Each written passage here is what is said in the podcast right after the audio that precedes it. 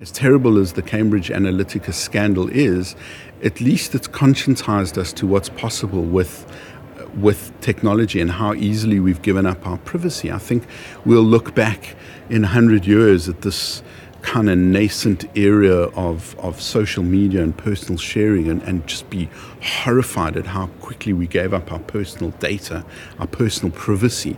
And people will go, that's, you know, that's who would do something like that to get a free social service?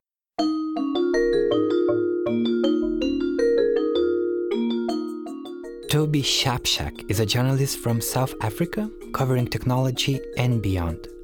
He interviewed both Nelson Mandela and Steve Jobs, and he believes that today's Africa is a better place for innovation than the Western world.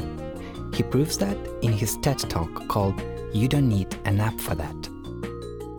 Toby has been following the development of computers and internet since the late 80s.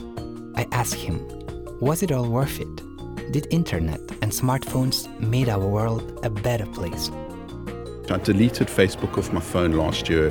My wife and I had our first child who's just turned one, and it was quite sobering to realize how much time I wasted on things that weren't strictly relevant or I could live without. From the Nook studio in Vilnius, this is Karolis Vyšniauskas.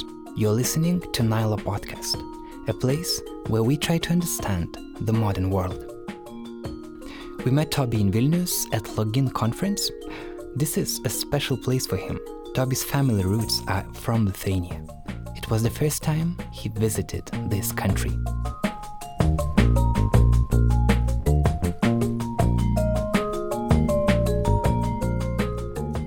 Yeah, so it's really interesting that you mentioned that you have some Lithuanian connection because it's your first time in Vilnius, but you, I guess, you wanted to visit this place earlier in your life. Yes. Uh, what is that connection? My grandparents were Lithuanian, so effectively my family comes from this area, and um, I've always wanted to come back and see where we come from because that's really important to me. I think so much of what we we do in the world is about new and fresh and you know the way the world is but it's really fantastic to know the way the world was and where we come from. Where we come from has a really important meaning to who we are and how we see the world. I think of myself as an african because i was born in africa. Where you're born is where you're from.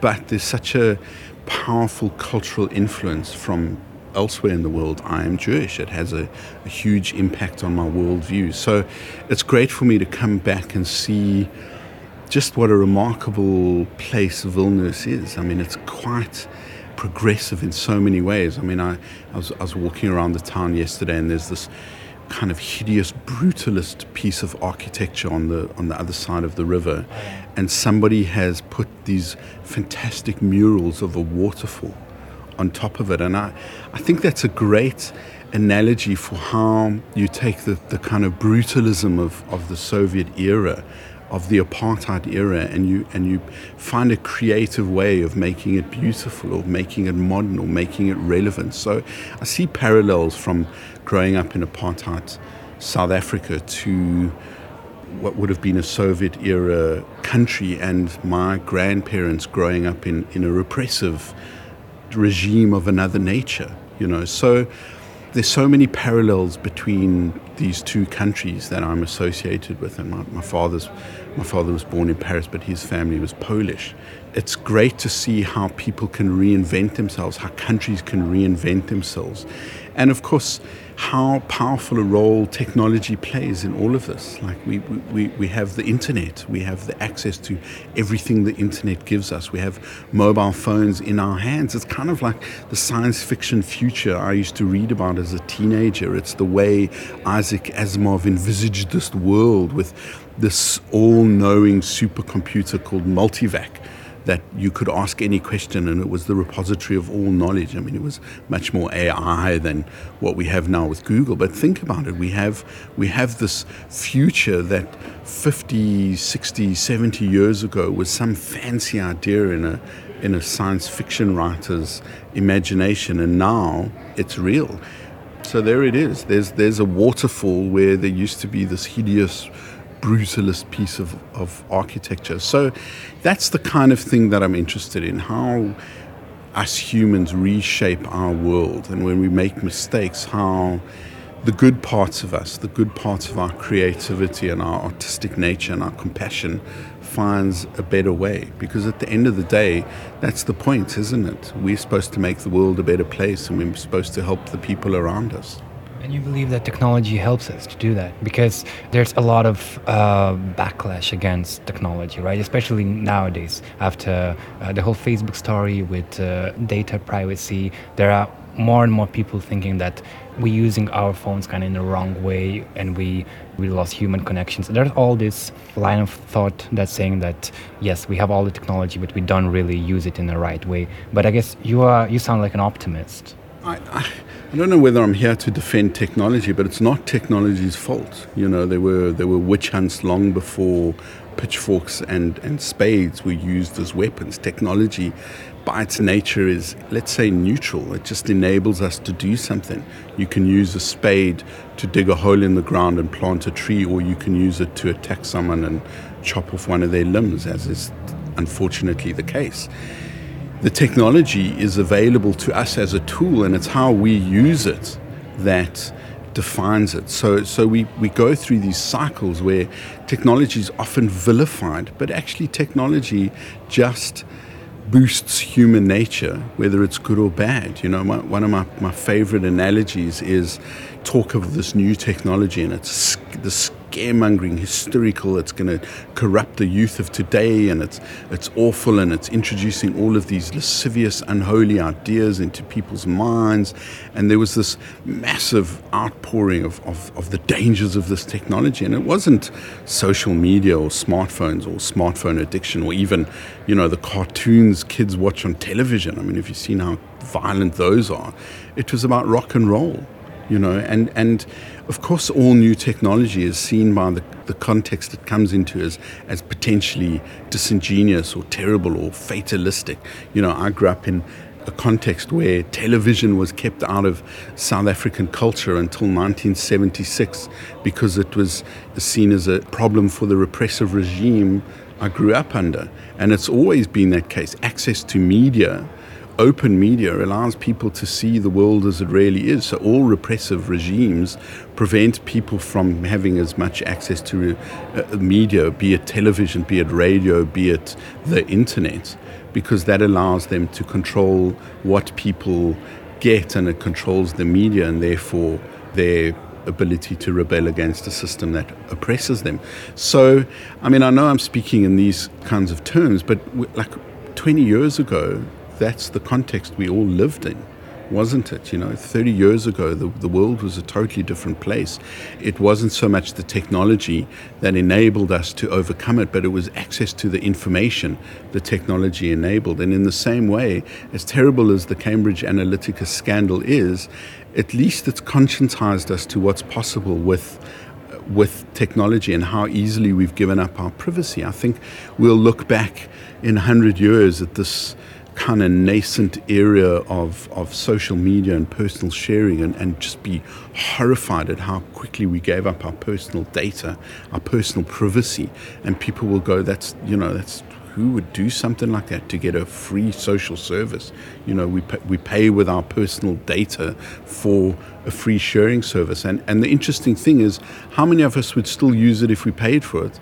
And how many of us would rather pay for it than get something for free? These are the, these are the kinds of things we're going to be discussing in the near future about how technology works. So, so um, you know, you can have you can have both perspectives of it. Technology can be good and it can be bad, but at the end of the day, it's just an enabler for human nature, isn't it? And it's human nature that is the, the thing we need to work with. And do you have some rules, some advice? How do you use social media, for example? Do you use Facebook or maybe use it only for certain things? Maybe you have some restrictions how to use your phone, how you use your computer. Because, for example, I personally have this problem that I'm seem that I'm checking my phone all the time, and it became like a habit. I, yeah. It seems if I don't do that, if I don't post something on Facebook or on Instagram, I kind of feel that something is missing from my life. I miss all those likes and hearts that those social media services gives to us and uh, uh, that's how they are built they are built on our to play on our emotions and when you it's quite scary when you go deeper into this whole thinking how apps are designed to get us hooked on it but how can you escape it i mean you cannot really escape it but how to use it in this like um, healthy way that's the question that i think a lot of people nowadays didn't really find the answer uh, you saw how the technology was developing from the very beginning, I think. So I don't know how when did you start, but it was I guess in the maybe in the in the late '90s, I guess maybe even earlier. How do you see? Thank you for that. I, it, it, was in the 80s. Um, in the 80s, okay. in the 80s yeah. yeah. So my, my, my best friend, my best friend was this computer Wonderkind. Is this Wonderkind? Uh, who had whose father had an early Macintosh. So, uh, I mean, thank you for your honesty because I don't think most people will say I'm addicted to technology because they don't want to say I'm an addict, and and and we all are. And to say that you're addicted to the likes or, or you you're conscious of the likes is is the truth about all of us. Everybody wants their Facebook picture to get lots of clicks and links and likes, and, and that's the nature. And, and there is a way to escape from it. You just delete the app off your phone. I deleted Facebook off my phone and Messenger, and I very seldomly use uh, Instagram. I probably only use it when I'm traveling. But it, but I think to some extent, I think journalist. You need those tools to share your work to to sure, be I, in in this whole ecosystem. I, but in, in terms of what I do, I think I use Twitter a lot. I don't use the other tools as much. My magazine stuff is very active on Instagram and Facebook and the like. Me personally, not so much. I deleted Facebook off my phone last year. My wife and I had our first child who's just turned one and I just I found my time, the time I had for doing things before a child, totally different. BC before child, um, and and it was quite sobering to realize how much time I wasted on things that weren't strictly relevant or I could live without. So, do you feel your life got better when you deleted the Facebook app? I did, and I and, and the way it started was Facebook used to send me very useful notifications. So and so liked your tweet, so and so little post, or this tweet, or so and so retweeted this. And what I noticed is that when I interacted less with the with the um, apps, the nature of the notification changed. Instead of it being useful to me, it became useful to the app. So that the notification became a way for the app to get me back into it, not for the app to tell me something useful to me. Why? Because the app developers need you in the app looking at it to show you advertising or count how many minutes you're inside the app or whatever other data they're gleaning from us. So, so it was the notifications that made me think this is not relevant to me. And when I realized I was no longer looking at the app at all, I just deleted it. First, I turned off the notifications. Then I thought, well, I'm not looking at the notifications, I'm not looking at the app. And I was downloading the new app, and it was like 350 megabytes. And I thought, well, I mean, even though I don't pay for the data and I have a fiber line at home, that's just absurd. What a waste, you know. So I deleted it. And my life didn't change. My life was just fantastic. I haven't lost anything. But I, but I think that's a function of age, right? I'm in my 40s. I have a career and success and a wife who loves me and a child who loves me, and I get all of that good stuff from my home. I don't, I don't need it from anywhere else. And I've, and I've worked very hard in my life not to allow any of that external stuff to go to our head. My, my oldest friend's mother always told us when you think you know what's going on, you're not in the here and now. And, I, and, I, and I've tried to practice that, like not allow, you know, when you're a journalist, you get a lot of attention. And I've never, I've, I've worked very hard not to let that go to my head. People who get a big ego, to me, have failed as journalists, have failed as people. You know, I've been incredibly lucky in my career. I've interviewed both Nelson Mandela and the Dalai Lama, who have got to be the two greatest people of our generation. I mean, they're like they're like saints, really, who people who have who have who have inspired us to be better people, and they have very little ego. It's it's remarkable. You know, the, the you know the average YouTube star has more of an ego and more of a do you know who I am than the two greatest people of our generation. And when I saw that, and and I, and I've been very lucky. I've interviewed some big name CEOs of some pretty big global firms, and they're they're also they have a sense of personal achievement and when people have that in themselves they don't need random uh, attention seeking and approval from from people out there. They just know it about themselves, and that makes me think that it's better to have that about yourself than to have that about your career. And it's, and it's also pretty tasteless. I mean, nobody likes a show off. Nobody likes a humble brag. You know, that I'm so honored to do X, Y, and Z. You know, this concept of a humble, humble brag is, and, and it's, people don't say it and they couch the, the, the, language in a way that seems, you know, but, the, but they're still showing off. And no one likes that. No one likes other people who blow their own trumpets. You know, the, the, the great stars of, of the world that we all look up to are people who've gotten that, that neediness of their ego in check, haven't they? And, and social media, unfortunately, has allowed that to kind of run rampant. You know, they've done studies where, where you know, people clicking a like gives you the same emotional good feeling as you know seeing your child walk for the first time liking something or, or seeing somebody like your post or how many times you get your post like. A, a friend of mine with teenage daughters in london was telling me how i couldn't understand why his kids were obsessed with their cell phones being charged and the reason is is when they go out and they instagram something more you know, more teenagers are using Instagram than they are Facebook, and there's a decline in Facebook use in the US and the UK. Two significant studies have shown that, and that may well prove to be the biggest ex- existential threat to Facebook that the youth are no longer using it because, like all of us old people, I'm sorry, but you are also old now. Um, and we are using it so the youth don't want to be where their people, their parents play. Um, they need their phones. These kids, these teenagers need their phones to be charged so that they can post something. Because if they don't post it in the moment, their peers don't like it, or they don't see it, or they don't view it. And of course, that's evolving from text to pictures, and from pictures now to video. Video is what everybody uses, and and and and that's the evolving nature of humanity and who we are. And of course, it, I suppose in many ways, it just comes down to to understanding your value as a person and knowing what you should be looking for acknowledgement from and not not from. But you know that brings us into a whole different kind of context. How do you say that to a, a, you know the child of poor parents who lives in a brutal society where they're lucky if they get one good meal a day you know and they come across a smartphone or internet access and you know they don't have the life coping skills to know that so it's so that's a very a privileged context to understand social media. For a lot of people, they don't see that. And of course, you know, with a small child, the thing I'm worrying about is is what will cyberbullying look like in 15 years' time? In 10 years' time, it might just be like truly awful the anonymization that, that people can go through. I mean, look at Gamergate.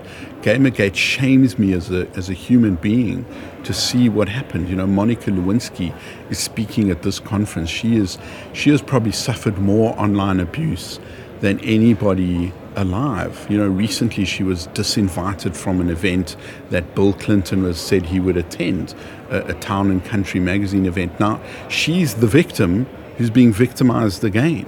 You know, and that's even in this conference when it was announced that she's one of the like a main speaker there were a lot of people saying like why do we need her like there were a lot of uh, bad words said about her so yeah it still keeps on keeps on keeps on coming but and, you know and you, yet she's the she's the great survivor of this unprecedented onslaught of just the worst of humanity like i mean i've read some of this it's just mind boggling. Like, why do people say stuff like that?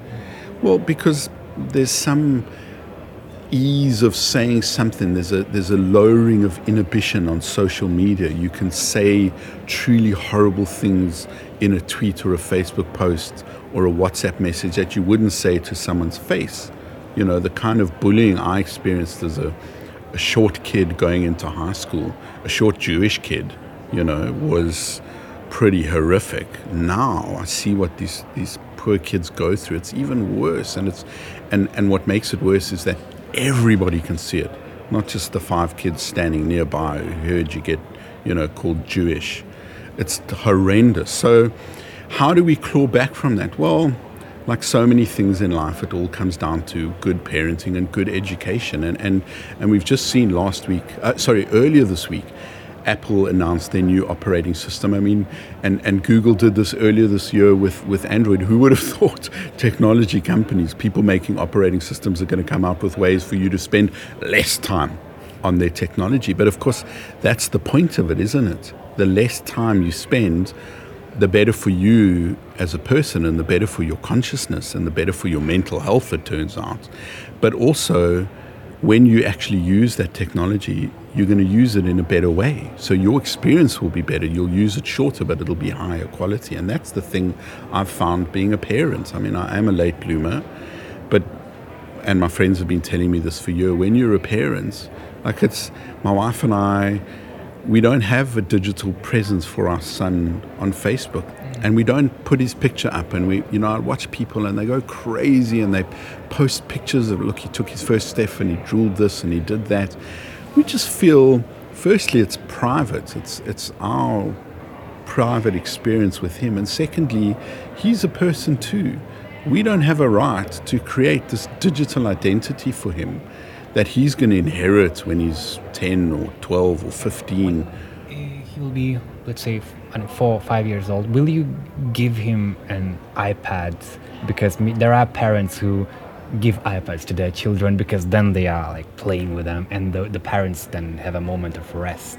But there's a really, this is really dangerous because because if, if a child gets addicted to technology from such a young age, th- the results will be, we cannot really even know at this time of technology development. Like there is no, we have to wait until those people will grow up and we'll see how their brains function differently. But it affects your brain. There are, it's it's it's it's it's not some kind of, um, I mean, it's scientifically proved. But for example, will will you?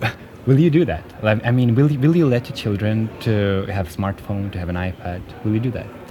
Funnily enough, my wife and I have been discussing this a lot in the last couple of months, especially because you don't want to. You want to kind of hold out as long as you possibly can from. Jobs He. No, he wouldn't let his. his, his uh, True, and, and Tim Cook refuses to let his nephew use social media.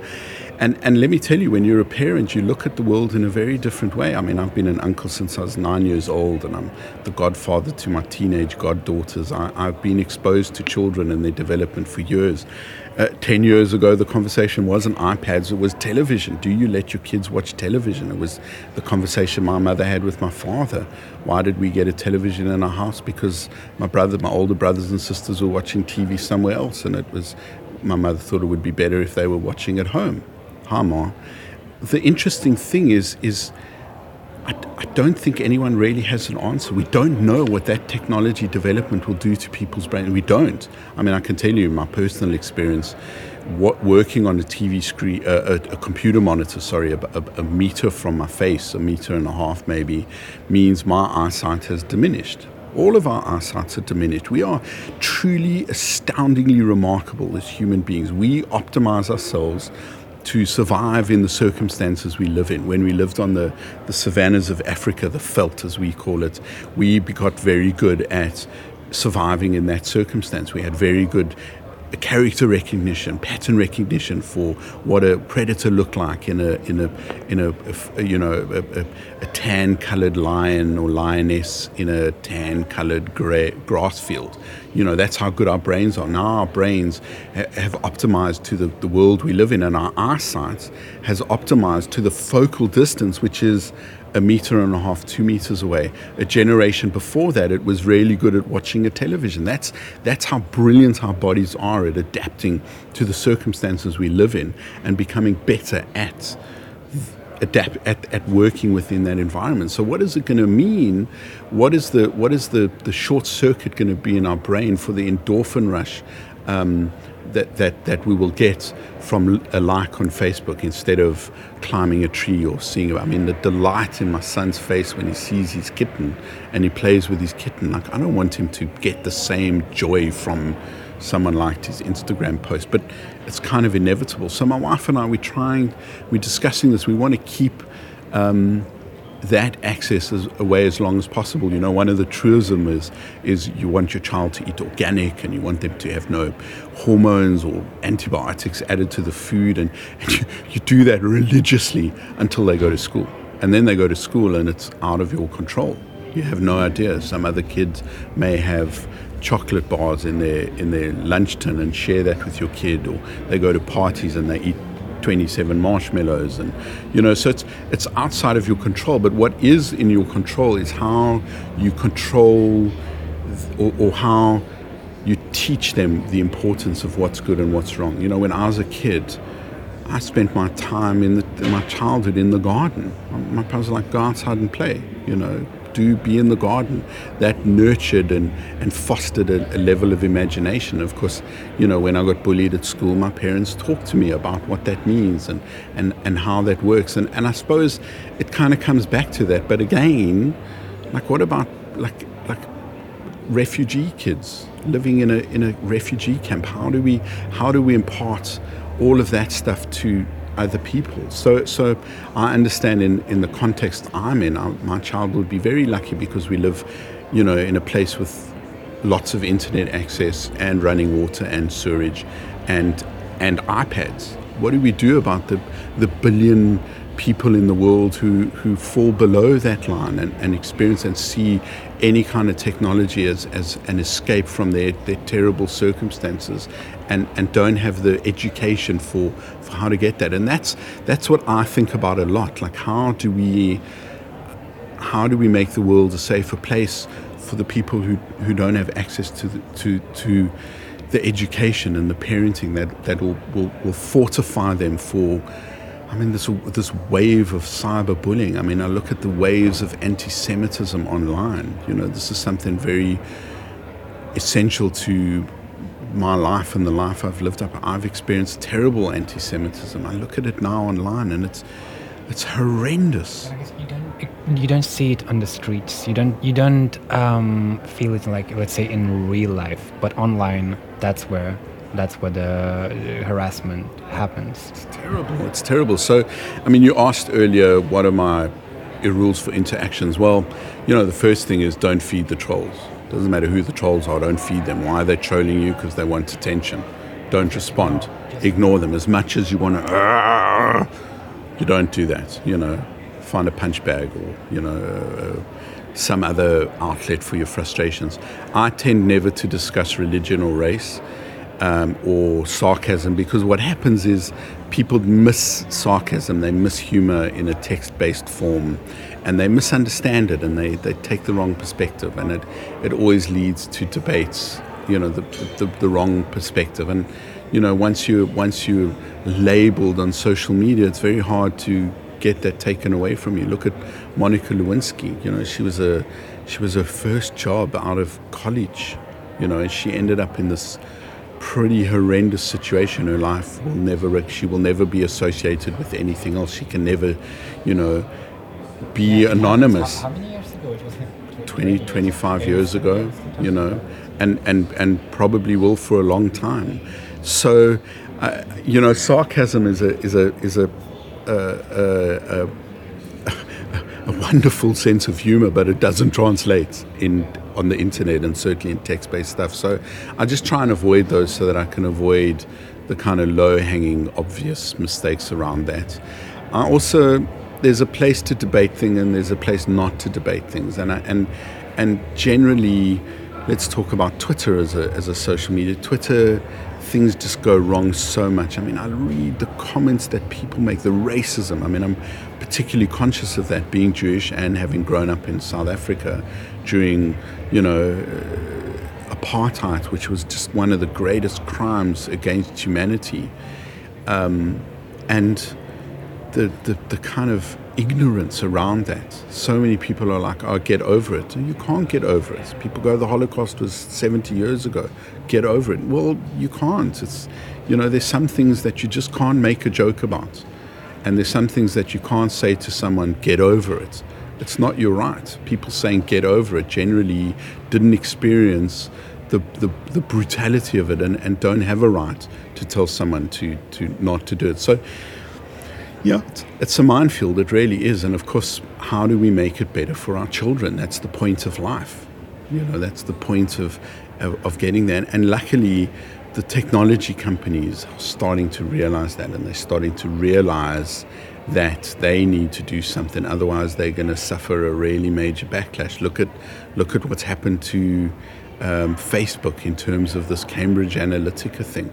Cambridge Analytica was truly terrible, but actually it was within the context of what Facebook allowed the people using its platform to do. It's what, what we, without realizing, gave permission to do.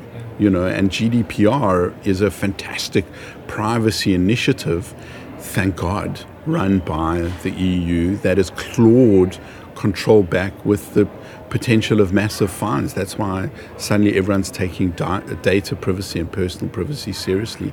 And hopefully, because of what we've been through, we are all going to start to envisage it in a different way. I mean, you know, um, I was never a sporty kid at school.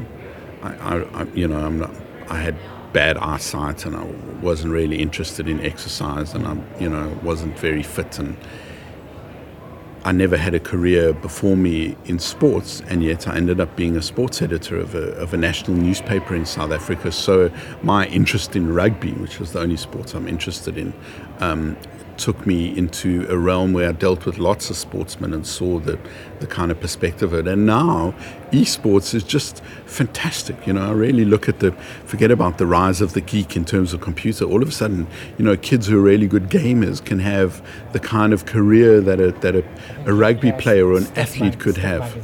You just uh, run a piece on, on how e-sport sportsmen, if you can call them, uh, they are basically the money that you can get from video gaming is bigger than from actual sports. It's it's it's uh, we are on on the, on the, that um, point of, of of the whole development. So this it's is true. I mean, it's it's great for us geeks, but then again, we have to be conscious of the stuff we've been talking about. What does it mean in terms of people's development? How is our muscular? People are just sitting on exactly. What's our muscular going to be like? You know, we we all need to do yoga if we're all going to be sitting there crouched over a, a, PlayStation or a keyboard or a mouse. You know, as many as, as the advantages are, there are disadvantages.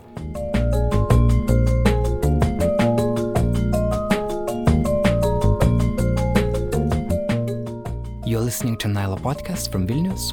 We're talking with South African tech journalist, TED speaker Toby Shapshak.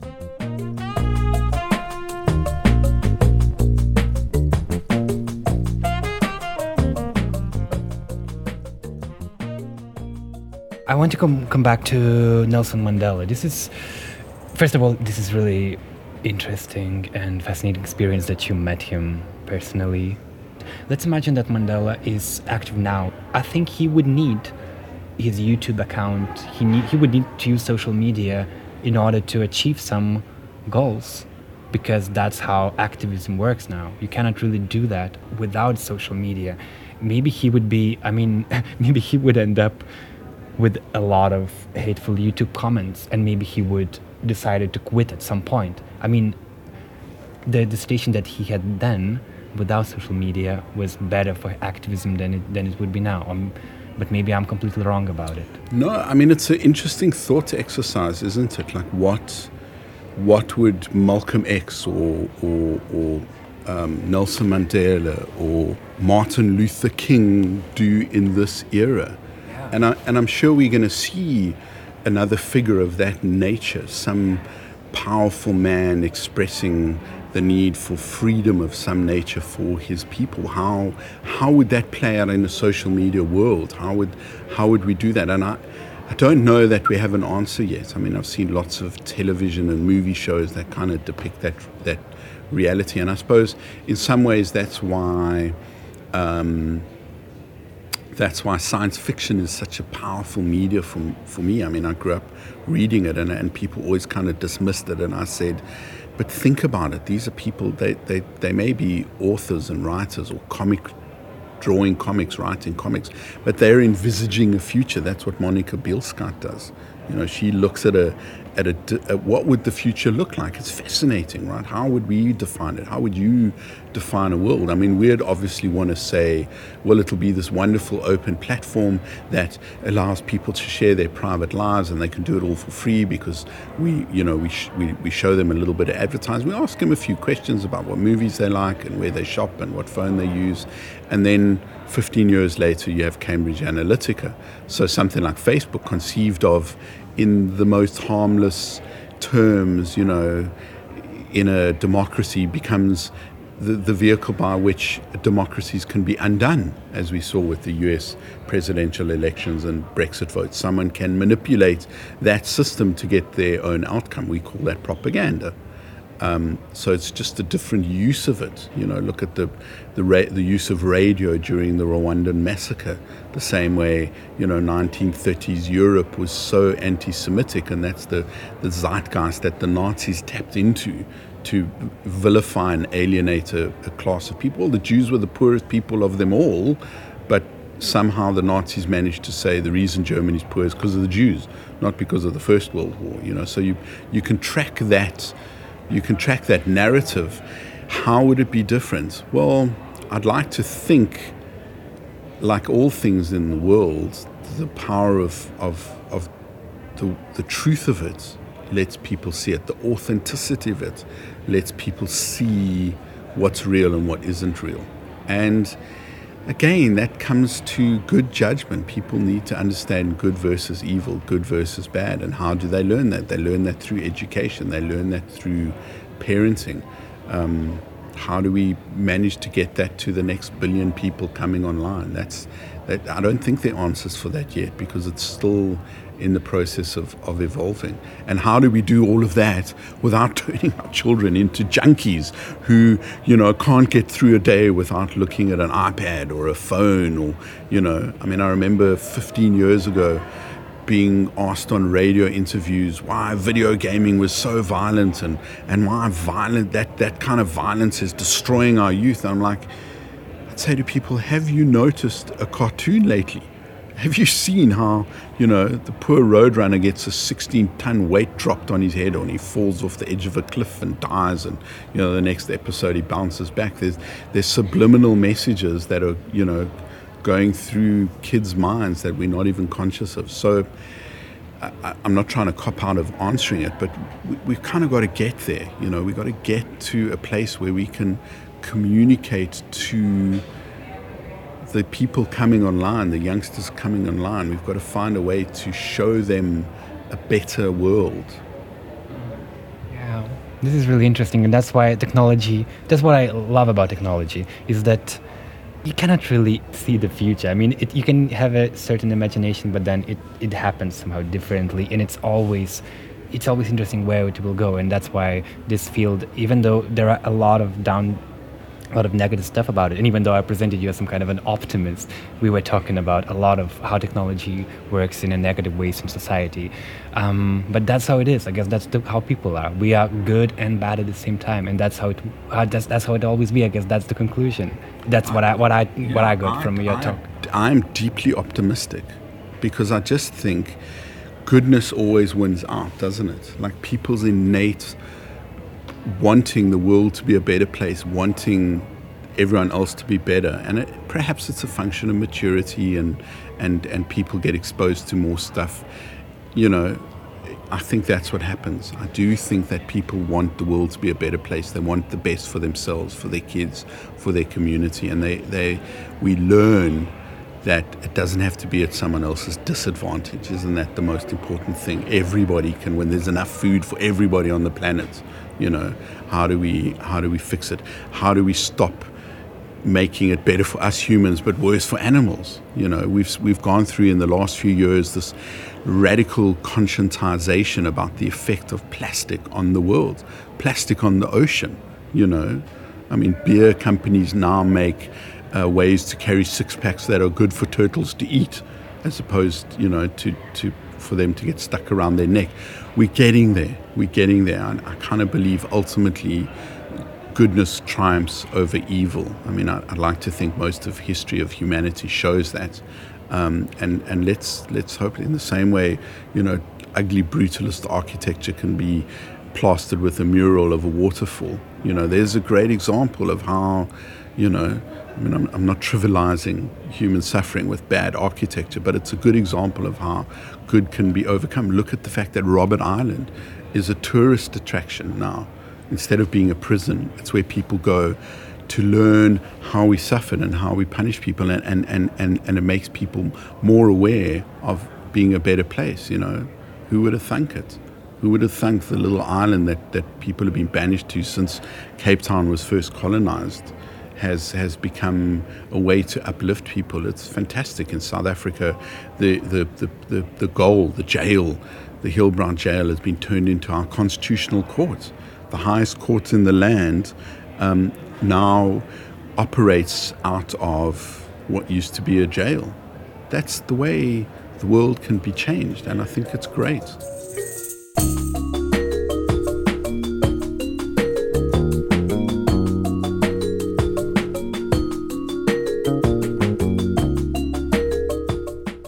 That is our episode today. Thank you for listening, and we also want to say thanks to Login Conference, who invited Toby to Vilnius. If you like Toby's ideas, follow him on Twitter at Shapshak. And if you want to see behind the scenes pictures of our interview, visit nyla.lt. You'll find a photo gallery made by Mindaugas Tirigotas. Nyla podcast wouldn't be possible without the support from our listeners on Patreon. Join their community at patreon.com slash multimedia. This episode was recorded by Kate Bitoft. The music is composed by Martinas Gailus. The episode was hosted and edited by me, Karolis Vyšniauskas. If you like the episode, share it with your friends privately or on social media. That means a lot to us. We don't really use traditional advertising. We believe in honest recommendations. So if you like the podcast, let others know about it. That means a lot to us. Thanks for that. And again, thanks for listening. Nyla podcast is produced by Nanook Multimedia Agency in Vilnius. See you next week. Take care.